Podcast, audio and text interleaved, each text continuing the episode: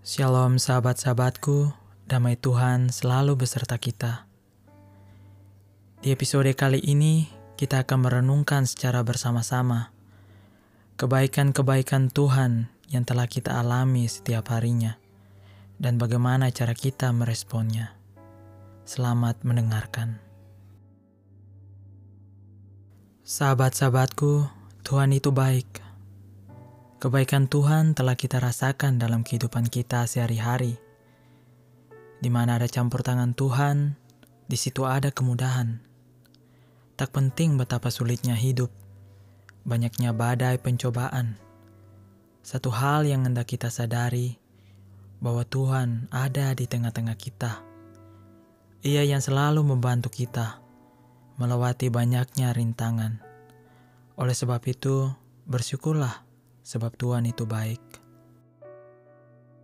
Nafas kehidupan yang masih kita nikmati setiap pagi adalah contoh bahwa Ia, Sang Pemberi kehidupan ini, masih memberikan kita kesempatan untuk hidup.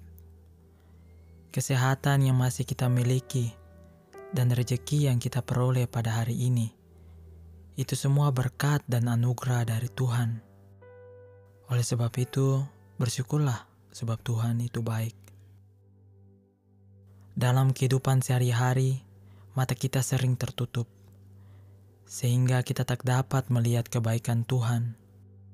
Dan patut kita sadari bahwa kita adalah pribadi yang lemah. Kelemahan-kelemahan kita itu nampak dalam kehidupan kita sehari-hari. Contohnya, berkali-kali kita membuat komitmen di hadapan Tuhan. Berkali-kali kita berjanji di hadapan sesama untuk dapat menjadi pribadi yang lebih baik. Pertanyaannya, mengapa kita menjadi sangat lemah dan tak bisa menjadi pribadi yang berkomitmen penuh? Hal-hal tersebut terjadi sebab kita belum memberikan diri kita seutuhnya kepada Tuhan.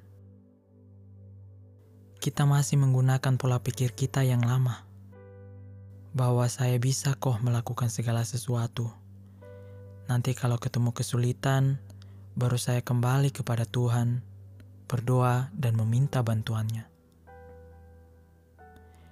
Sebagai seorang Kristiani sejati, berserah itu memberikan diri seutuhnya bagi Tuhan, baik suka maupun duka.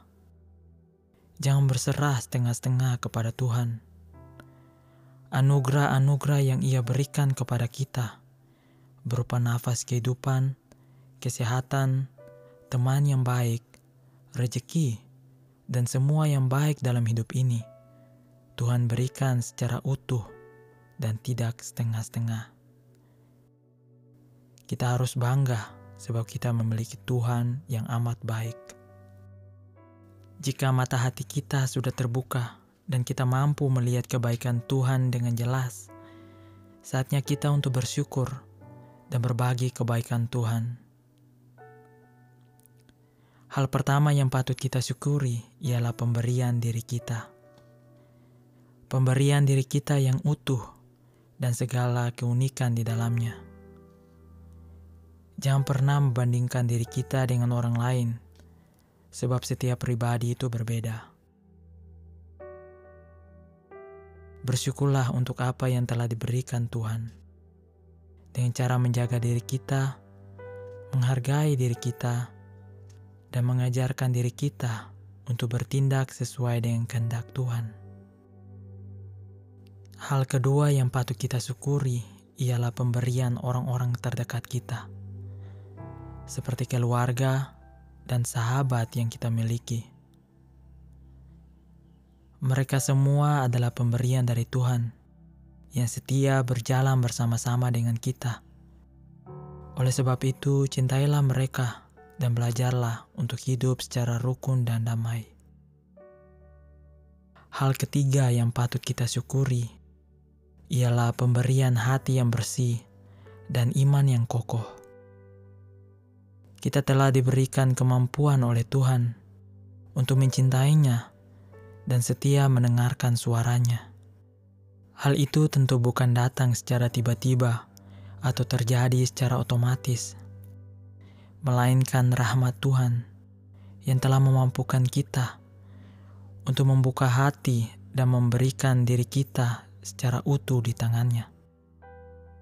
Oleh sebab itu, bersyukurlah sebab kita masih memiliki hati yang bersih dan iman yang kokoh.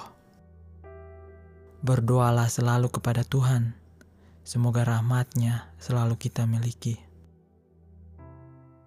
Besar harapan saya, semoga melalui renungan singkat ini, hati kita semua disentuh oleh roh kudus, sehingga kita mampu melihat dengan jelas kebaikan-kebaikan Tuhan dan bersyukur kepadanya sebab Tuhan itu baik. Terima kasih sudah mendengar. Tuhan Yesus memberkati.